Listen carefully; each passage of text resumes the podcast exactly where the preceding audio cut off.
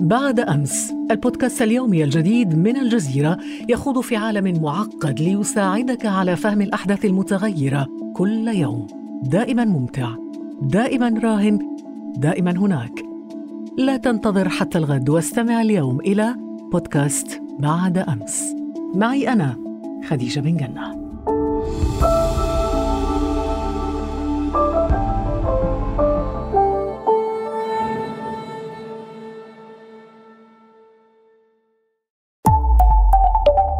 الجزيرة بودكاست.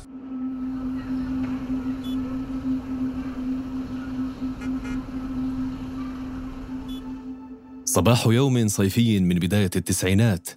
أنت موظف في مركز للمعلومات في إحدى الدول العربية.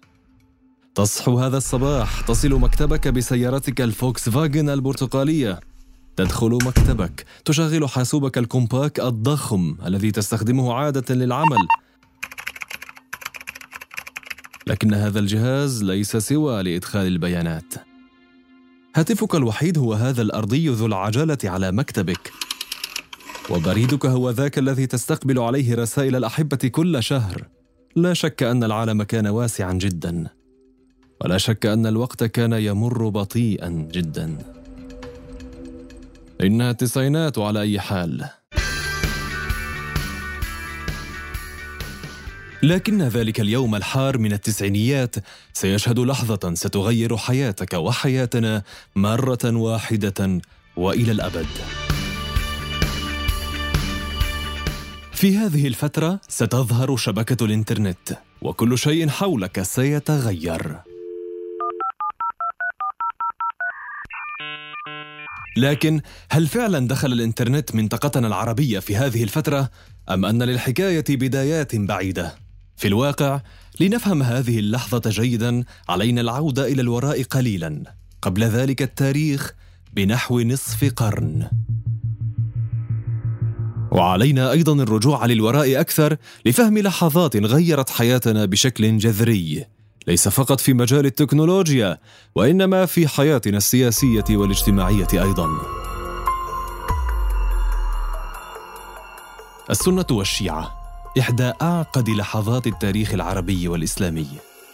إذا ما أردت فهم تفاصيل هذا الخلاف المعقد، ربما عليك العودة لبداياته، أو على الأقل لتلك اللحظة التي فجرت الخلاف، أو لما يعرف في التاريخ بالفتنة الكبرى. مقتل خليفة المسلمين سيدنا عثمان بن عفان رضي الله عنه. في عام 35 للهجرة اشتدت المعارضة وعلى صوتها على بعض ولاة الخليفة. وتكاثرت الشكاوى إلى المدينة تطالب سيدنا عثمان بكف الولاة عن التسلط على رقاب المسلمين وتنادي بتغيير بعض الولاة وتعيين آخرين. واشتدت الأحداث حتى طالب بعض الناس بأن يعزل الخليفة نفسه ويولي من بعده واحدا من كبار الصحابة. واستمرت المحنة حتى ضرب المحتجون حصارا على الخليفة في المدينة. ورفض سيدنا عثمان أن يسفك دم أحد في الدفاع عنه. فانتهى الأمر باقتحام المحتجين للبيت واستشهد الخليفة راجيا أن يعصم دمه دماء المسلمين.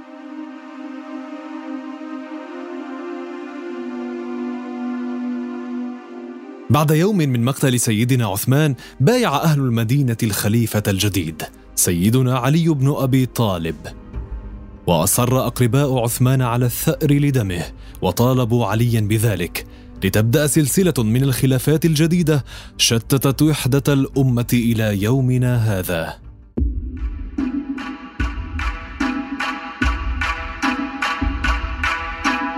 هذه اللحظات وغيرها لم تغير التاريخ فقط بل أثرت في رسم الواقع وربما ستؤثر في تشكيل المستقبل. والسؤال هو هل يمكننا التفاعل مع الحاضر والمستقبل دون أن نفهم الماضي بلحظاته المفصلية؟ حاجتنا لمراجعة لحظات مفصلية في تاريخ المنطقة والعالم هي الغاية من إنتاج هذا البودكاست. أن نتتبع بدايات ما حدث، أن نصل إلى تلك اللحظة المؤسسة والفاصلة ونعيد روايتها ثم نبحث في تأثيرها على صياغة الأحداث حتى الحاضر، لهذا السبب يحمل هذا البرنامج اسم لحظة. من التكنولوجيا للفن والسياسة من الإنترنت إلى الانقسام السني الشيعي ومن اكتشاف النفط إلى الذكاء الاصطناعي. سنبحث في لحظات تاريخية مهمة عبر مقابلات مع من صنعوها أو شهدوا صناعتها أو تأثروا بها. ونسهم في إثراء المحتوى السمعي العربي أكثر. أنا فريد سنكون معكم في حلقات من بودكاست لحظة. نحدثكم عن لحظات تاريخية غيرت العالم والمنطقة. انتظرونا كل أربعاء لتستمعوا إلى حلقة جديدة ولحظة جديدة من هذا البودكاست. يمكنكم الاستماع إلى لحظة عبر تطبيقات أبل بودكاست، جوجل بودكاست أو ساوند كلود أو من أي مصدر تختارونه ابحثوا عن الجزيرة بودكاست كما يمكنكم زيارة موقعنا podcast.aljazeera.net لا تنسوا مشاركة حلقات لحظة مع أصدقائكم. إلى اللقاء قريبا في الحلقة الأولى من بودكاست لحظة.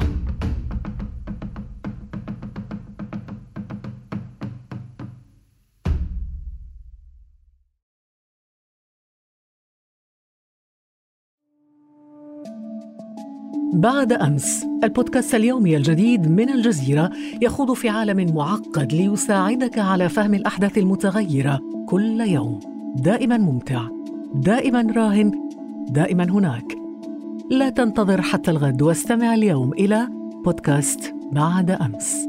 معي أنا خديجة بن جنة.